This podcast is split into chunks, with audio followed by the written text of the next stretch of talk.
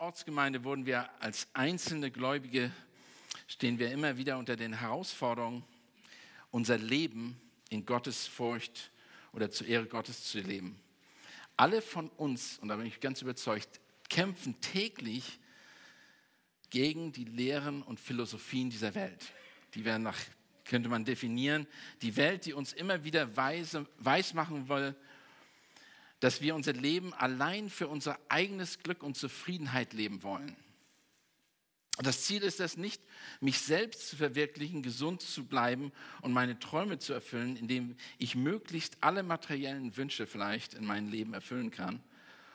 Und natürlich meine Freude an der Geborgenheit in meiner Familie genieße, in einer Welt, die, so, die sozial und demokratisch gerecht ist, sondern es ist unser Ziel, muss es sein, wirklich zu Gottes Ehre zu leben. Aber neben dieser Herausforderung, das, was die Welt uns immer wieder einflößen will, dass wir dieses uns selbst verwirklichen sollen oder sollten in irgendeiner Weise. Und ich sage nicht, dass das immer so ist, aber ich sage, da ist immer ein kleiner Teil in unserem Leben, wo wir sagen, das habe ich doch verdient. Und das könnte ich mir doch leisten oder das sollte ich mir doch tun oder nicht nur mir, sondern meiner ganzen Familie. Ich will nicht nur uns Einzelne sehen, wir können uns das auch als Familie egoistisch sein oder selbst als eine Gruppe. Neben den Herausforderungen in der Welt haben wir eine, auch noch unsere fleischlichen Bedürfnisse. Wie die Schrift sagt, unser eigenes Fleisch, das wir unter Kontrolle bringen müssen. Wir sollen geistlich leben, wie es heißt, nicht fleischlich. Doch das ist einfach gesagt. Nur wie geht das? Wie können wir erfolgreich sein in dem Konflikt zwischen Geist und Fleisch?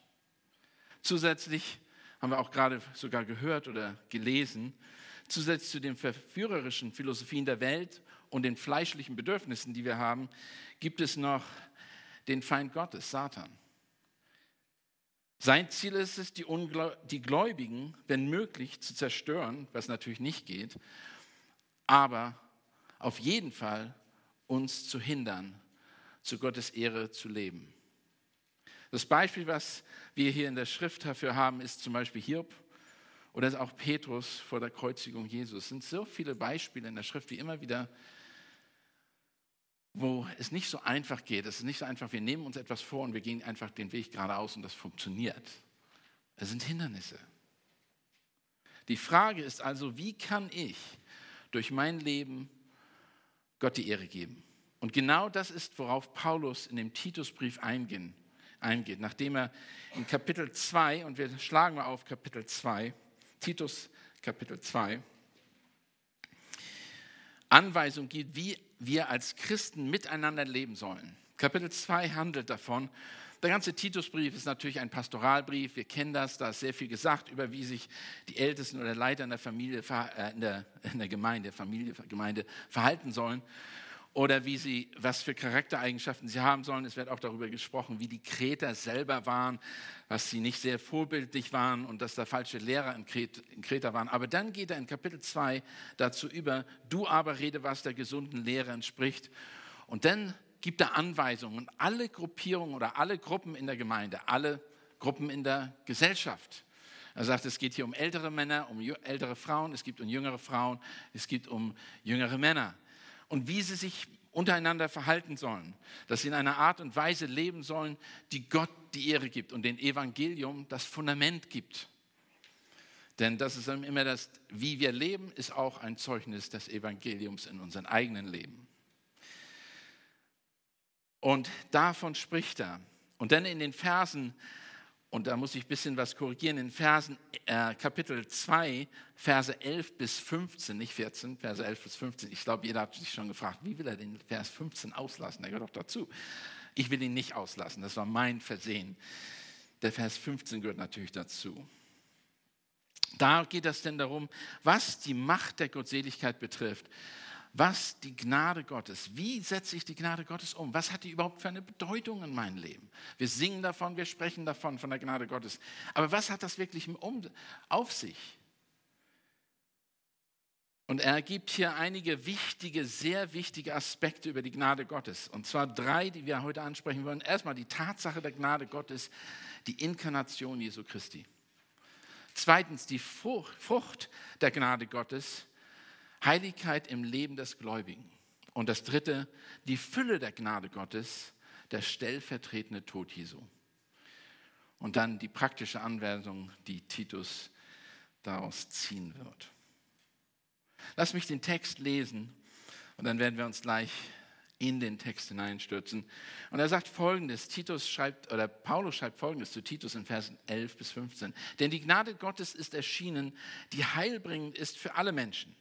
Sie nimmt uns in Zucht, damit wir die Gottseligkeit, die weltlichen Begierden und, äh, und die weltlichen Begierden verleugnen und besonnen, gerecht und gottesfürchtig leben in der jetzigen Weltzeit, indem wir die gottselige Hoffnung erwarten und die Erscheinung der Herrlichkeit des großen Gottes und unseren Retter Jesus Christus, der sich selbst für uns hingegeben hat, um uns von aller Gesetzlosigkeit zu erlösen und für sich selbst ein Volk zum besonderen Eigentum zu reinigen, das eifrig ist, gute Werke zu tun. Dies, sollt ihr leben, dies sollst du lehren und mit allem Nachdruck ermahnen und zurechtweisen, Niemand soll dich gering schätzen. Wow, da ist so viel drin in diesem Text. Aber ich werde versuchen, mich an den Umfang, den Text als Ganzes zu, zu beobachten und zu betrachten, damit wir den heute auch wirklich ein Verständnis davon bekommen. Was ermöglicht uns und motiviert uns und gibt uns Kraft, damit wir ein Gott wohlgefälliges Leben so leben, wie wir es in Titus Kapitel 2 gelesen oder gehört haben in den ersten Versen. Wie machen wir das? Und Paulus gibt hier die Antwort. Er sagt, es ist die Gnade Gottes, die es ermöglicht, nicht unsere Fähigkeiten. Wir können nicht aufgrund unserer Fähigkeiten oder Kenntnisse oder dergleichen uns in irgendeiner Weise gottesfürchtig leben. Es muss basieren auf der Gnade Gottes. Die Tatsache der Gnade Gottes ist die Fleischversion Jesu Christi, denn die Gnade Gottes ist erschienen, die heilbringend ist für alle Menschen. Es ist nicht, sind nicht wir, die wir die Gnade Gottes, und hier wird von der Gnade Gottes in einer Art und Weise gesprochen, als wenn das eine Person ist. Die Gnade Gottes hat die Macht der Erlösung. Die Gnade Gottes ist erschienen, die heilbringend ist. Sie gibt, sie erlöst uns von der Strafe der Sünde von Gottes Zorn und Gottes Gericht, von der Macht der Sünde, von, den, von der geistlichen Befangenheit und von der Gegenwart der Sünde. Davon befreit uns die Gnade Gottes und hier identifiziert in Jesus Christus. Es ist die Gnade Gottes, die die Menschheit beeinflusst. In Versen 11, wo er ganz deutlich sagt, denn die Gnade Gottes ist erschienen, die heilbringend ist für alle Menschen. Sie ist das, die heilbringt, nicht wir oder nicht irgendwas, was wir tun. Sie ist erschienen, sie wurde ans Licht gebracht, sie, ist, sie wurde bewiesen, sie hat sich offenbart.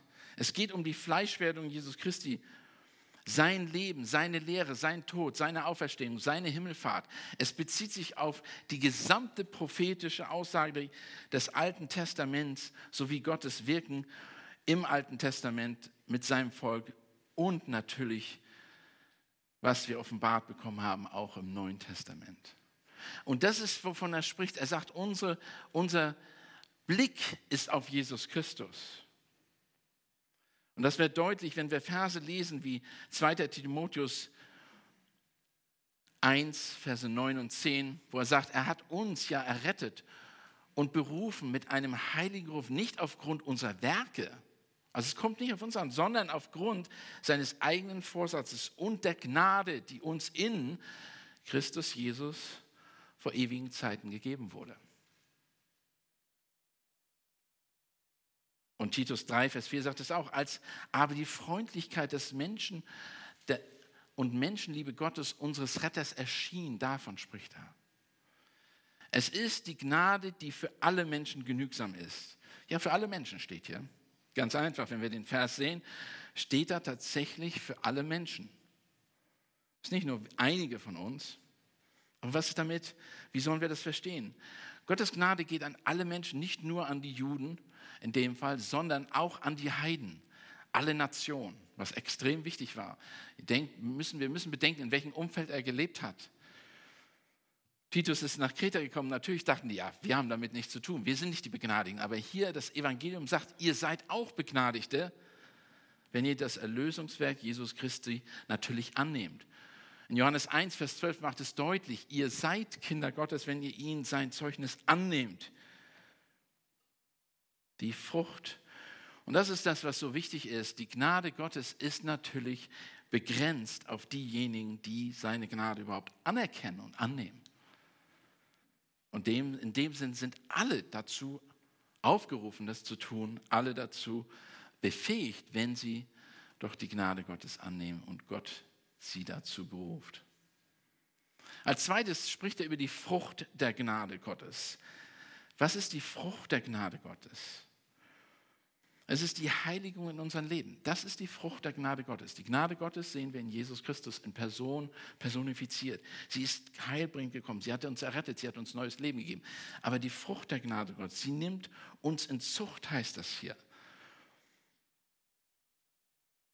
Sie nimmt uns in Zucht, damit wir Gottlosigkeit und die weltlichen Begierden verleugnen und besonnen und gerecht und gottesfürchtig leben in der jetzigen Weltzeit. Eine wahnsinnige Aussage. Und dann geht es weiter, indem wir die glückselige Hoffnung erwarten und die Erscheinung der Herrlichkeit des großen Gottes, unseres Retters Jesus Christus. Also die Frucht der Gnade Gottes, sie erzeugt Veränderungen in unserem Leben. Sie muss etwas erzeugen. Sie lehrt uns, sie unterweist uns. Und hier ist sie personifiziert in Jesus Christus. Sie unterweist uns. Gottes Gnade ist wie eine Person, die uns zum Schüler macht und uns eine Lebensführung gibt. Sie züchtigt uns, sie unterweist uns. Es wird hier ganz deutlich gesagt, dass äh, sie nimmt uns in Zucht. Und von der Zucht kennen wir das schon aus Hebräer 12. Da wird von der Zucht gesprochen, die Gott anwendet, um uns zu reinigen, um uns einfach äh, bessere, beziehungsweise um zu heiligen, den Prozess der Heiligung uns zu erzeugen. Und da sagt er, denn wenn der Herr, wen der Herr liebt, den züchtigt er. Er gießt, geißelt aber jeden Sohn, den er aufnimmt. Was, er, was ihr duldet, ist zur Züchtigung. Gott handelt mit euch als Söhnen oder Töchter in dem Fall. Denn wer ist ein Sohn, den der Vater nicht züchtigt? Eine rhetorische Frage. Das würde kein Vater tun. Der züchtigt sein Kind. Warum? Weil er möchte, dass es geheiligt wird. Er möchte, dass es wächst. Und dann sagt es in dem letzten Vers, in Vers 11, alle Züchtigung aber es scheint für die Gegenwart nicht ein Gegenstand der Freude, sondern der Traurigkeit zu sein. Danach aber gibt es die friedsame Frucht der Gerechtigkeit denen, die durch sie geübt werden worden sind. Also er sagt, Züchtigung ist notwendig und das ist, was die Gnade Gottes in uns bewirkt. Uns, und hier spricht es nicht von irgendwelchen, sondern uns, er bezieht es auf die Gläubigen. Er bezieht es auf die, die Gott angenommen haben. Damit, damit, und er sagt damit, und das geht darum, damit etwas entsteht, hier wird uns der Grund der Lehre vermittelt. Warum macht er das überhaupt? Warum sollen wir die Gnade Gottes, warum sollen wir da überhaupt gezüchtigt werden, beziehungsweise in Zucht genommen werden? Werden. Was ist das Ziel des Ganzen? Und das Ziel des Ganzen, damit wir Gottseligkeit und weltliche Begierden verleugnen. Gottlosigkeit, Entschuldigung, damit wir Gottlosigkeit und weltliche Begierden verleugnen. Das Ziel ist, Gnade Gottes ist, dass wir die Dinge der Welt ablehnen können, dass wir unsere Perspektive, unseren Blick auf Jesus Christus richten, auf das Ewige richten. Es ist eine Gnade, die uns in Zucht nimmt, damit wir mehr und mehr seiner Heiligkeit teilhaftig werden. Gottes, Jesu Christi Teilhaftigkeit werden. Gott offenbart uns die Hässlichkeit der Sünde und, der, und die Schönheit seiner Heiligkeit in diesem Abschnitt. Das will er tun. Und Paulus möchte den Blick darauf richten, wo er Titus schreibt, dass er das den der Gemeinde mitteilt. Sie sollen ihr altes Leben ablehnen. Sie sollen das, was in der Vergangenheit war, ablehnen. Sie sollen es verleugnen. Sie sollen die Gottlosigkeit verleugnen. Und sie sollen, und was ist mit Gottlosigkeit über gemeint? Also das ist so ein allgemeiner Begriff wieder. Gottlosigkeit, was ist Gottlosigkeit? Das ist eigentlich alles, was nicht, was gegen Gott ist. Alles, was Gott ablehnt. Der Gegensatz zur Gottesfurcht. Das ist das, was er in Kreta erlebt hat. Menschen, die nichts mit Gott zu tun haben wollten. Und wir erleben das genauso in unserer Umgebung, in Berlin, egal wo wir sind. Gottlosigkeit ist überall. Aber was bedeutet das dann? Sie sollen das Verlangen von diesen ganzen Dingen ablegen und böses Verlangen hier, weltliche Begierden und Verlangen sollen sie auch ablegen. Und das ist alles das, wovon ich am Anfang sprach. Das sollen die, wir sollen unsere Dinge, die wir aus der Welt kennen, die uns oft gefangen nehmen, die Philosophien dieser Welt, sollen wir ablegen. Und da werde ganz deutlich, die Schrift macht richtig klare Aussagen hier, indem in 1. Johannes 2, Vers 15 bis 17, ihr kennt die Stellen wahrscheinlich, habt nicht lieb die Welt, sagt, es, sagt Johannes hier, noch was in der Welt ist. Wenn jemand die Welt liebt, so ist die Liebe des Vaters nicht in ihm. Denn alles, was in der Welt ist, die fleischliche Lust, die Augenlust und der Hochmut des Lebens, ist nicht vom Vater, sondern von der Welt. Und die Welt vergeht und ihre Lust. Wer aber den Willen Gottes tut, der bleibt in Ewigkeit. Die Perspektive ist wieder ganz deutlich. Das, was weltlich ist, ist vergänglich. Das, was göttlich ist, ist ewig. Und in 2. Petrus 1, Vers 3 und 4 auch eine etwas, da uns die göttliche Kraft uns alles geschenkt hat, was zum Leben und zur Gottesfurcht dient, durch die Erkenntnis dessen, der uns berufen hat, durch seine Herrlichkeit und Tugend, durch welche er uns überaus groß und kostbare Verheißung gegeben hat, damit wir durch dieselbe göttliche Natur teilhaftig werden, nachdem ihr den Verderben entflohen seid. Auch hier wieder, dem Verderben entflohen, das durch die Begierden in der Welt herrscht. Petrus sagt ähnliches. Und die Verantwortung des Neuen sind, damit wir ein Leben leben in der jetzigen Zeit. Die Gnade Gottes soll uns bewegen und in Zucht nehmen, damit wir in der jetzigen Zeit etwas tun, damit unser gegenwärtiger Charakter in unserem Leben soll sich verändern. Wir sollen in Gottesfurcht wachsen. Wir sollen die Vergangenheit ablegen und das können wir nur dann tun, wenn wir es abgelegt haben, können wir dann nur dann in Besonnenheit leben, wie es hier heißt. Wir sollen dann in Besonnenheit leben. Und das ist diese Besonnenheit wird sehr oft in diesem Titusbrief benutzt. Gerade in den ersten, äh, in den ersten Teil des zweiten Kapitels wird das gefordert von den älteren Männern und von den, von den älteren Frauen, dass sie in Besonnenheit leben. Was bedeutet also Besonnenheit? Wie wichtig ist Besonnenheit? Besonnenheit ist das ein Wort, das man vielleicht nicht heute nicht mehr so oft benutzt, aber das kann man auch etwas sagen, selbstbeherrscht, sachlich, klar, unbeeinflusst, nüchtern, objektiv, objektiv die Sachen sieht, die Sachen einfach klar sieht und umsetzt. Wir sollen besonnen leben und gerecht, sagt er hier auch. Da gibt uns super viele, sehr viele verschiedene Sachen, die wir tun sollen, was, was die Gnade Gottes in uns bewirkt. Wir singen, und ich, ich sage das nur mal so, ich merke das, ich mache das selber, ich spreche immer von der Gnade Gottes. Oh, das ist toll, wir sind Begnadigte. Aber die Begnadigung erwirkt und bezeugt oder verändert etwas in uns. Und hier wird davon konkret geschrieben, in ein paar Sätzen. Ein paar Sätzen schreibt Paulus, Titus, das sollte eigentlich passieren. Also wenn du die Gemeinde richtig leitest und wenn du diese Sachen tust, dann werden, sollten diese Sachen erkennbar sein. Besonnenheit, Gerechtigkeit. Gerechtigkeit, jemand, der vom Herzen mit dem Willen Gottes in Übereinstimmung ist. Jemand, der dem Wort Gottes zustimmt. Das ist Gerechtigkeit. Jemand fragt, wie kann ich gerecht leben? Lebt nach dem Wort Gottes. Wenn ihr wisst, dass er gerecht ist, so erkennt, dass jeder, der die Gerechtigkeit hat, aus ihm geboren ist. Wow. Das identifiziert uns, wer wir sind als Christen. Gerecht. Und wir sollen gottesfürchtig sein, wörtlich sehr hingegeben, Gott hingegeben leben. Und das ist etwas, und in Vers, das ist das, was Paulus hier Titus sagt. In Vers 13 geht er, folgende, geht er weiter, indem wir die, die glückselige Hoffnung erwarten und die Erscheinung der Herrlichkeit des großen Gottes, unseres Retters Jesus Christus. Unglaublicher Vers, ich kann nicht auf alles eingehen. Aber wir erwarten etwas. Wir gucken auf die Hoffnung. Wir gucken auf das Zukünftige. Wir ersehen, wir ausharren, weil wir etwas im Blick haben, weil wir uns nicht ablenken lassen von der Welt und von den Dingen dieser Welt. In Judas 21 heißt das, bewahrt euch selbst in der Liebe Gottes und Hoffnung auf die Barmherzigkeit unseres Herrn Jesus Christus zum ewigen Leben hin. Wir sollen die Perspektive auf ihn setzen. Was ist eben, was ist das Wesen der Hoffnung? In Seelsorge bin ich andauernd damit beschäftigt, Leuten Hoffnung zu geben. Aber ich kann ihnen nicht Hoffnung geben, indem ich sage, was ich machen würde. Überhaupt nicht. Das interessiert die überhaupt nicht. Die wollen wissen, wie sie wirklich Hoffnung in ihren Problemen ihres Lebens kriegen, indem ich ihren Blick auf den Herrn Jesus Christus lenke.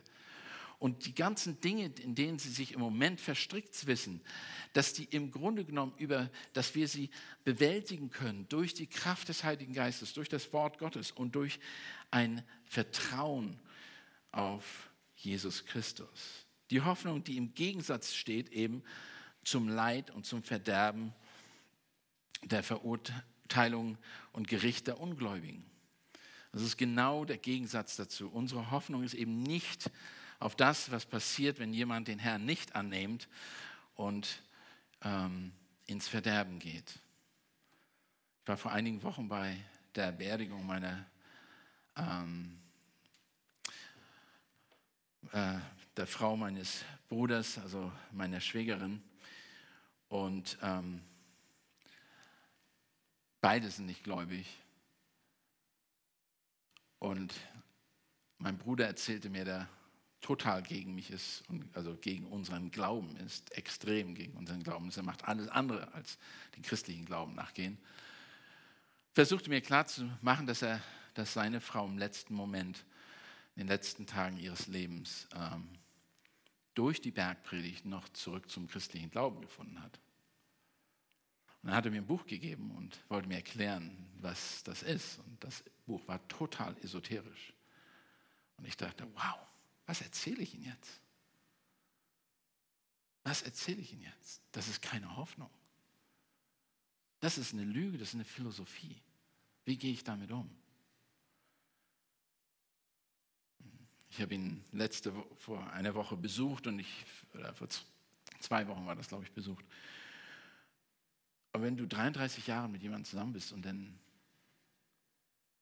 deinen Blick auf esoterische Sachen setzt, aber unser Blick ist nicht darauf, nicht auf irgendwelche Philosophie von Menschen, die sich widersprechen, sondern auf eine ganz klare Aussage der Schrift die Erscheinung der Herrlichkeit des großen Gottes, unseres Retters Jesus Christus, wörtlich. Und es ist erschienen die Pracht, die Herrlichkeit unseres großen Gottes, unseres Retters. Hier geht es um die, das zweite Kommen deiner Herrlichkeit. Die Betonung liegt auf den wahre Größe, die Allgegenwärtigkeit Gottes, seine außerordentliche Majestät im Gegensatz zu den falschen Götzen und Göttern. Das hört sich so extrem an, aber das ist auch das Extrem. Wir leben entweder in einer Welt, die sich nach etwas ausstreckt, was vergänglich ist, irgendwelche Götzen. Und ihr könnt, Götzen sind alle Dinge, die Jesus Platz einnehmen in eurem Leben. Oder wir können uns auf Jesus Christus ausstrecken, der wiederkommen wird, laut der Schrift unser Retter Jesus Christus. Betonung, wie gesagt, er ist der Retter. Was macht Paulus an diesem Punkt? Er bringt das erste Kommen Jesu Christi als Diener und stellvertretendes Opfer mit dem, seinem Kreuzestod in Verbindung mit dem zweiten Kommen Jesu Christi in Herrlichkeit, um sein Reich auf Erden zu errichten mit allen Gläubigen, hoffentlich mit jedem von uns. Das eine, was Tatsache ist, das andere, was noch bevorsteht, aber mit Hoffnung erwartet werden soll. Wir sollen es erwarten. Es ist nicht eine Frage, ob, wir müssen unseren Blick darauf werfen. Und ich sage euch, ich möchte euch nur ermutigen, bitte, eure Hoffnung kann nur darauf bestehen. Wenn die nicht darauf besteht, dann ist alles, das Materielle vergeht so schnell. Ich habe meinen Bruder gefragt, und was ist nun mit deinen drei Autos, deinem Haus, dein Boot? Nichts. Er will seine Frau wieder haben. Was habt ihr? Es zählt alles nichts mehr. Es zählt wirklich nichts mehr. Die Gnade Gottes ermöglicht den Gläubigen seine Hoffnung auf die Ewigkeit zu richten. Ihr wisst nicht, wie wichtig das ist, wenn ihr das noch nicht begriffen habt. Denn ihr müsst verstehen, Ewigkeit ist das, wo wir hinwollen. Wir wollen die Gemeinschaft mit Gott. Auf die Dinge, die ewig sind. Anders ausgedrückt, wir können alle Dinge des Lebens richtig beurteilen, indem wir eine ewigliche Perspektive zum Leben haben. Wir leben als gottesfürchtige Pilger in der gegenwärtigen Welt. Wir sind Pilger. Wir sind nur hier zu Besuch. All das, was wir hier haben, wie schön die Gemeinde auch sein mag. Und ich bin in sehr vielen schönen Gemeinden. Auch die vergehen. Die Gebäude sind nichts, aber ihr seid etwas. Ihr. Ihr seid die Gemeinschaft, ihr seid ein Organismus der Heiligen. Ihr gehört zusammen. Ihr seid eine Familie, eine Großfamilie. Ihr müsst euch lieben, wie Gott euch geliebt hat. Römer 15, Vers 13, der Gott der Hoffnung aber erfüllt euch mit aller Freude und mit Frieden im Glauben, dass ihr überströmt in eurer Hoffnung durch die Kraft des Heiligen Geistes. 2. Korinther 4, Vers 16 bis 18. Darum lassen wir uns nicht entmutigen, sondern wenn auch unser äußerer Mensch zugrunde geht, und ich merke das ein bisschen, so wird doch der innere Tag für Tag erneuert. Denn unsere Bedrängnis, die schnell vorübergehend und leicht ist, verschafft uns eine ewigliche und über alle Maßen gewichtige Herrlichkeit, der wir nicht auf das Sichtbare sehen, sondern auf das Unsichtbare. Denn was sichtbar ist, das ist zeitlich. Was aber unsichtbar ist, das ist ewig. Philippa 3, Vers 20, 21. Unser Bürgerrecht aber ist im Himmel, von woher wir auch den Herrn Jesus Christus erwarten als Retter. Der unser Leib der Niedrigkeit umgestalten wird, sodass er gleichförmig wird seinem Leib der Herrlichkeit, vermöge der, vermöge der Kraft, durch die er sich selbst auch als alles unterworfen, unterwerfen kann. Die Glaubenshelden aus Hebräer 11, alle sagen das Gleiche. Diese alle sind im Glauben gestorben, ohne die verheißene empfangen zu haben, sondern sie haben es nur von ferne gesehen und waren davon überzeugt und haben es willkommen geheißen und bekannt, dass sie Gäste ohne Bürgerrecht und Fremdlinge sind auf Erden. Denn die solches sagen, gehen damit zu, geben damit zu erkennen, dass sie ein Vaterland suchen. Und hätten sie dabei jene im Sinn gehabt, von denen sie ausgegangen waren, so hätten sie ja Gelegenheit gehabt, zurückzukehren. Nun aber trachten sie nach einem besseren, nämlich einem himmlischen. Darum schämt sich Gott ihrer nicht, ihr Gott genannt zu werden, denn er hat ihnen eine Stadt bereitet. Ganz deutlich, ganz deutlich. Die Schrift ist so voll von den Sachen. So, was sehen wir? Was sehen wir also in den, in den Versen? Es ist die, die Gnade Gottes nimmt uns in Zucht, sie lehrt uns, sie gibt uns einen Blick, sie gibt uns Hoffnung.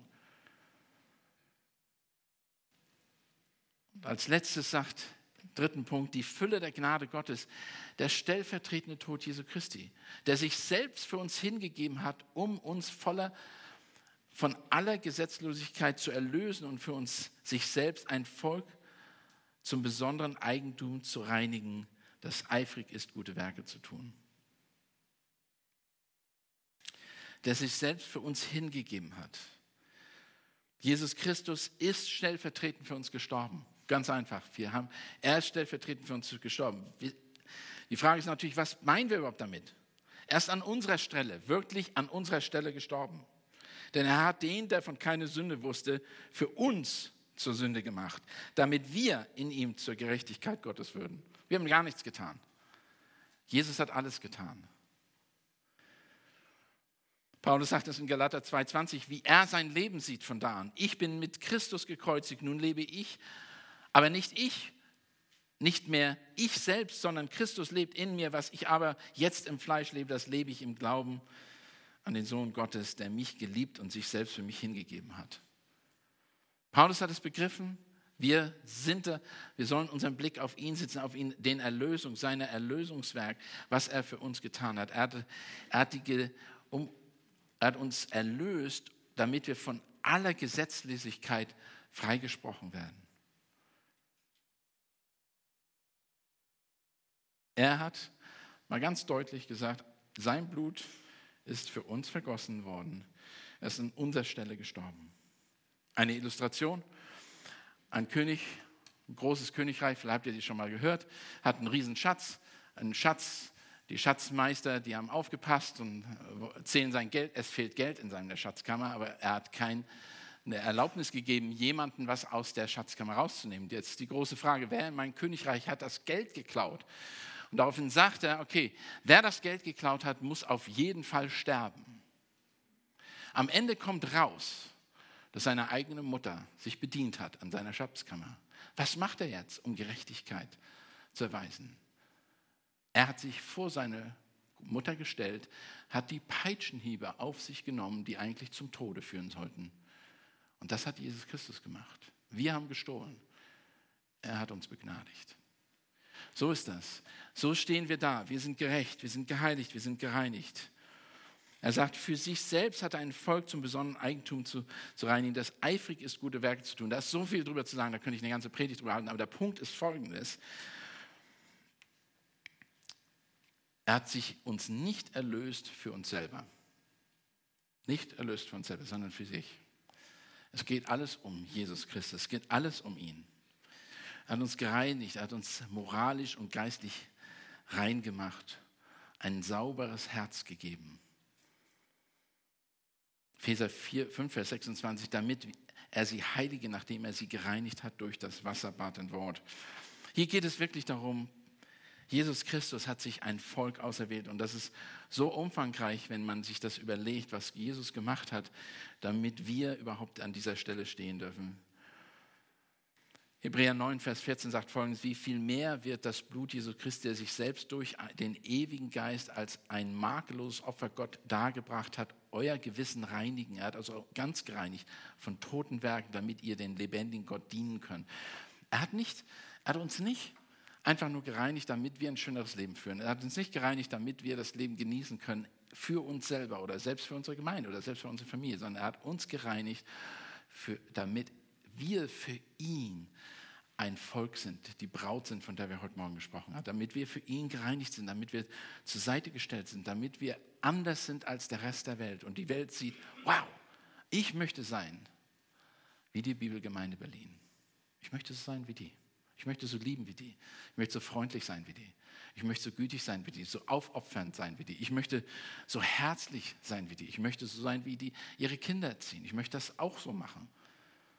Ich möchte meinen Blick genauso haben auf die Nöte der Welt in einer aufopfernden Weise, wie Jesus Christus hatte und wie die Bibelgemeinde Berlin das macht.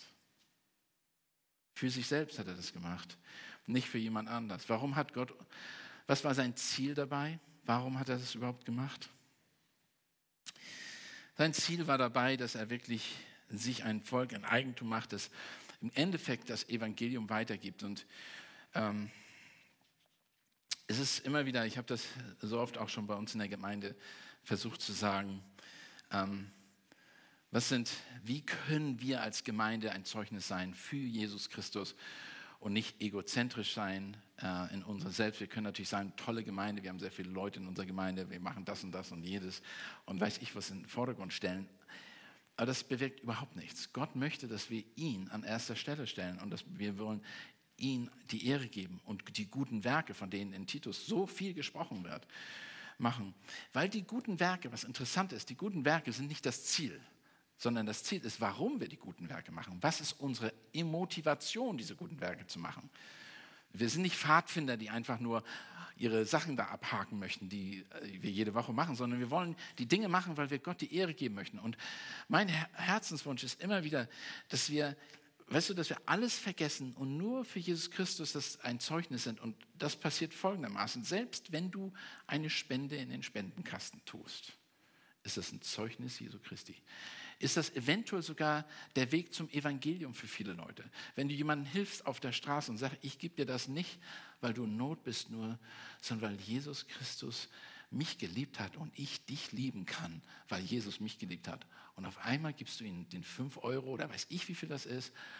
Und er sagt, das gibt's nicht. Jetzt, ich möchte den kennenlernen, diesen Jesus Christus. Ich möchte wissen, warum er so motiviert ist.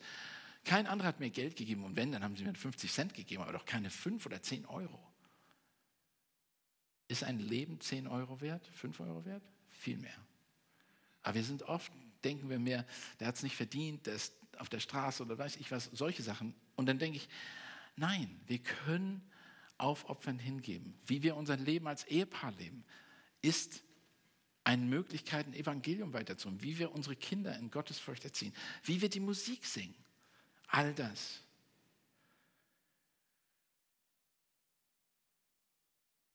Wie drückt Jesus das selber aus? Ihr seid das Salz der Erde. Wenn aber das Salz fade wird, womit sollt ihr, sollen es wieder salzig gemacht werden? Es taugt zu nichts mehr, als dass es hinausgeworfen von den Leuten zertreten wird. Ihr seid das Licht der Welt. Es kann die Stadt, die auf dem Berg liegt, nicht verborgen bleiben. Man zündet auch nicht ein Licht an und setzt es unter den Scheffel, sondern auf den Leuchter. So leuchtet es allen, die im Haus sind. Sollt euer Licht leuchten vor den Leuten, dass sie eure guten Werke sehen und euer Vater im Himmel preisen.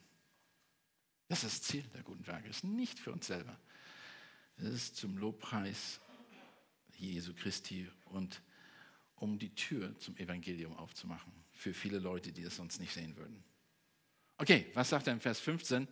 Dies bezeuge, dieses sollst du lehren und mit allem Nachdruck ermahnen und zurechtweisen. Niemand soll dich gering schätzen. Wow. Jetzt geht das drauf. Jetzt sagt Paulus, okay, Titus, ich habe dir das geschrieben und ich weiß gar nicht, wie viel Zeit ich habe, aber ich nehme noch ein paar Minuten. Ähm, Titus, ich habe dir das geschrieben, damit du verstehst, was die Gemeinde tun soll, wo wir hinwollen und was die Perspektive, was, was die Gnade Gottes bewegen soll. Aber du, du lehrst das.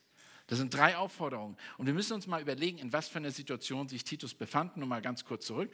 Ein junger, unerfahrener Gläubiger in einer Gemeinde, die schwach war mit unerfahrenen Leitern oder gar keinen Leitern. Okay? Das war die Situation. Dann waren da störende, egoistische Ehrlehrer, die die Gemeinde in die Gemeinde eingedrungen waren, Vers 1, Kapitel 1, Vers 10 bis 11, und in einer gottlosen, egozentrischen Kultur, äh, Vers Kapitel 1 ist auch Vers 12 deutlich. Also er war in einer Situation, die sehr ähnlich wie Berlin ist. Okay? Ganz einfach. Egozentrische Kultur kennen wir. Sehr viele unerfahrene Gläubige in Gemeinden, das kennen wir auch. Und störende, egoist, egozentrische oder äh, egoistische Ehrlehrer gibt es auch genügend.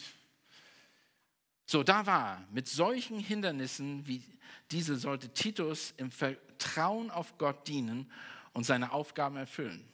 Wie wichtig es ist für den Hirten und Ältesten und Gemeindeleiter in, in der jetzigen Zeit mit der gleichen Überzeugung, Vertrauen und Gewissheit seine Berufung zu dienen.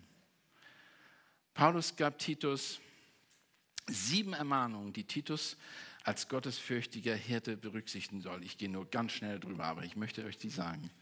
Titus sollte seinen Dienst bewusst ausführen, nicht unbewusst. Er sollte bewusst ihn ausführen. Titus sollte seinen Dienst zielorientiert, dieses sollte er tun. Titus sollte seinen Dienst ihm ganz konkret machen. Es war nicht nur etwas, was er nebenbei, er sollte zielorientiert dienen. Titus sollte als drittes seinen Dienst durch Gottes Wort ausführen. Das war deutlich. Du sollst deinen Dienst verbal tun, durch Gottes Wort. Lehren, ermahnen und zurechtweisen. Hier geht es um einzelne Personen und daraus wird deutlich, dass er nicht jede Person genauso anpackte wie die andere. Er musste jede Person die Weisheit mitbringen, auf jede Person in einer gewissen Art und Weise einzugehen. Das bezieht sich nicht auf alle Personen gleichzeitig, sondern hier geht es darum, dass einer wirklich einer, einer wird dazu äh, verändert oder äh, geformt durch eine Predigt, durch einen Lehrdienst, der andere in einer persönlichen Ermahnung oder Seelsorgegespräch. Die anderen müssen zurechtgewiesen werden, die werden von ihren falschen Lehren bzw. Überzeugungen, äh, überzeug, werden aufgezeigt und dann geholfen, sie zu überwinden. Viertens, Titus Dienst sollte die Menschen nicht nur informieren, sondern verändern.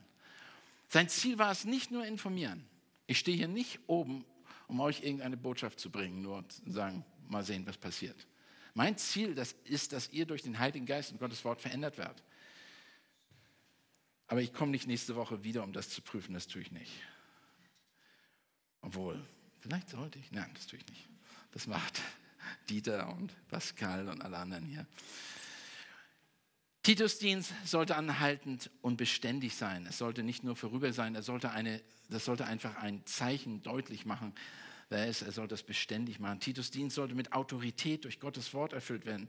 Mit aller Autorität. Er sollte es nicht nur so nebenbei mal sagen, sondern er sollte mit Autorität, du kannst nicht mit Autorität predigen, wenn du nicht davon überzeugt und befangen bist vom Heiligen Geist. Das geht nicht. Ich kann nicht hier vorne stehen und euch irgendeine Geschichte erzählen und ihr würdet mir das abnehmen, wenn ihr nicht wüsstet, okay, dieser Mann der glaubt wahrscheinlich daran, denn er kennt auch Gottes Wort oder er versteht es und er ist nicht noch nur die, seit einer kurzen Zeit in einer Gemeinde, sondern er macht das schon etwas länger. Und ich hoffe, dass das auch so ein Zeugnis ist. Titus sollte, sollte es auch kraftvoll und glaubwürdig sein. Er sollte, sich, er sollte das mit Kraft und Glaubwürdigkeit mit Überzeugung tun. Also, die Gnade Gottes soll uns wirklich im Mittelpunkt stehen unseres Lebens. Sie soll uns zeigen, sie soll uns in Zucht nehmen, sie soll uns Hoffnung geben, sie soll wirklich, da soll Frucht, Veränderung sein. Und Gott offenbart das hier und Jesus möchte und Paulus möchte, dass Titus das weiterbringt und dass es, er das lehrt und nicht nur passiv lehrt, sondern wirklich aktiv lehrt. Und ich möchte nur am Ende drei verschiedene Sachen kurz ansprechen. Gottes Gnade, die uns gegeben ist, um unsere Verantwortung nachzukommen. In Hebräer 4, Vers 16 sagt der Schreiber des Hebräers folgendes: So lasst uns nun mit Freimütigkeit hinzutreten zum Thron der Gnade, damit wir Barmherzigkeit erlangen und Gnade finden zur rechtzeitigen Hilfe.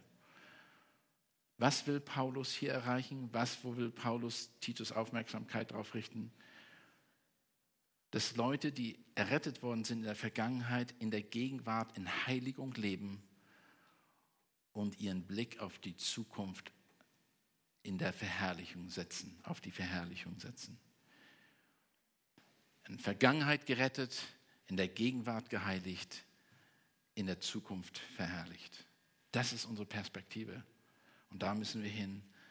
Das sollen wir im Blick behalten. Lass mich beten.